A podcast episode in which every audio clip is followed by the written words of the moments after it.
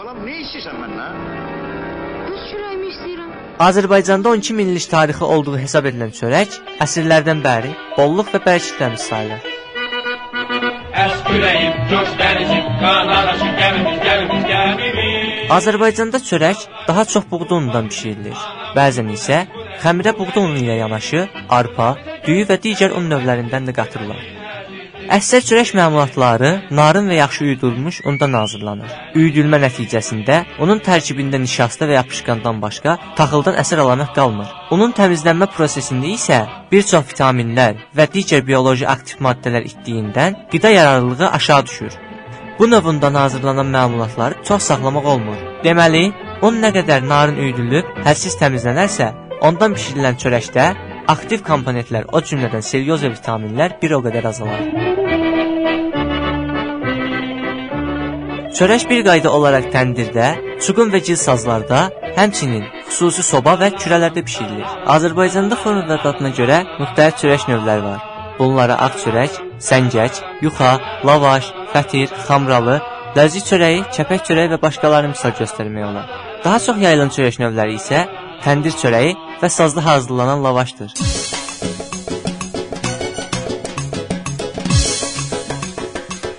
Azərbaycanın bir çox bölgələrində öz dadı və əti ilə məşhur olan təndir çörəyinin özünə məxsus hazırlama qaydası var. Belə ki, ilk olaraq xəmir yoğrulur və acmağa qoyulur. Xəmir acıqdan sonra kündə şəklində kəsilir. Kündəyə uzunsov və ya dairə forma verilir Üzəri müxtəlif naxışlarla bəzədilir. Bişirilmədən öncə təndir çörəyin üzünə yumurta sarısı və yaxud ayran, bəzən isə zəfəran çəkilərək təndirə yapılır. Naxçıvan, Qubadlı və Zəngilan regionlarında isə daha çox lavaş çörəyi yeyilir. Hətta bu regionlarda lavaş ehtiyat üçün 2-3 aylıq bişirilir, sonra qurudularaq dəsmala bükülür və uzun müddət saxlanılır. Yeməkdən əvvəl qurudulmuş lavaşın üzünə bir az su çilənir və dəsmala bükülərək bir müddət yumşalmağa qoyulur.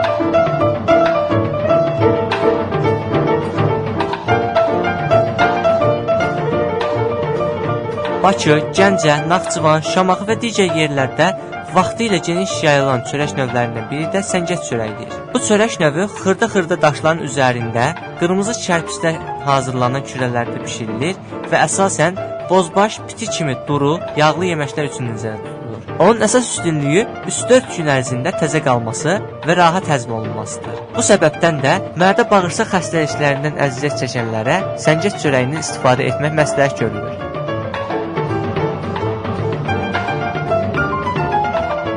Başqa bir çörək növü kəpək çörəyidir. Kəpək çörəyi öz kisəsində daş meydana gəlməsi ehtimalını azaldır, qəbizliyin qarşısını alır, iştahı kəsərək kilo verməyə kömək edir. Bununla yanaşı, bağırsaqların nizamlı işini təmin edən kəpək çörəyi bağırsaq xərçənginin meydana gəlməsinə də mane olur. Kəpəkli çörək yalnız kilo problemi və ya şəkər xəstəliyi kimi narahatlıqları olanlar üçün deyil, hər kəs üçün faydalıdır.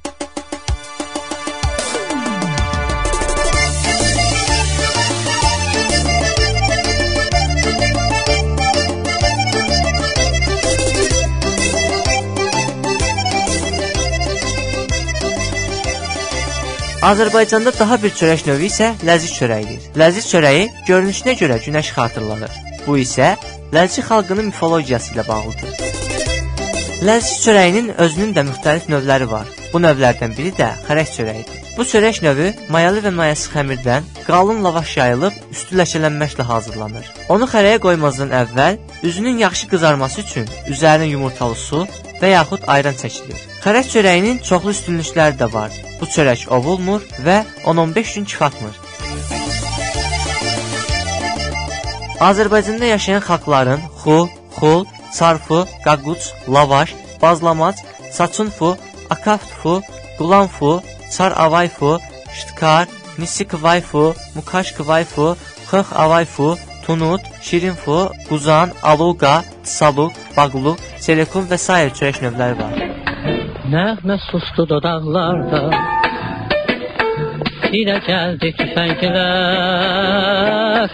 Mənim atam uzaqlar Çörək yeyərək şirniyyat ehtiyacınızı da qarşılaya bilərsiniz. Tam taxıllı çörəklər piyələnmənin qarşısını alır, çəkini tənzimləyir və maddələr mübadiləsinin sürətinin yavaşlamasına mane olur. Bundan başqa, tam taxıllı çörəklər B12 istisna olmaqla bütün B qrupu vitaminlərinin əsas qaynağı olduğundan ağız, dil və dəri toxumasının sağlam qalması üçün ən ideal qida hesab olunur. Tam buğda, çox taxıllı, yulaf və çovdar çörəklərindən daimi istifadə qarın ətrafının piylənməsini azaldır. Sən bizdən uzaq düşdün artıq. Desən yerlər apardı. Narın buğda unundan hazırlanan ağ çörək isə əsrlər boyu firavanlıq və bolluq rəmzi sayılır. Bu çörəyin qida dəyəri az, kalori mənbəyi isə digər çörək növlərindən çoxdur. Ağ buğda çörəyindən istifadə insan orqanizminin selyozla az qidalanmasına gətirib çıxarır. Anamızın laylaları.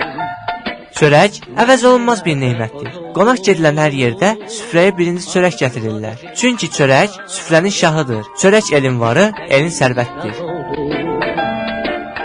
Carlos de Mano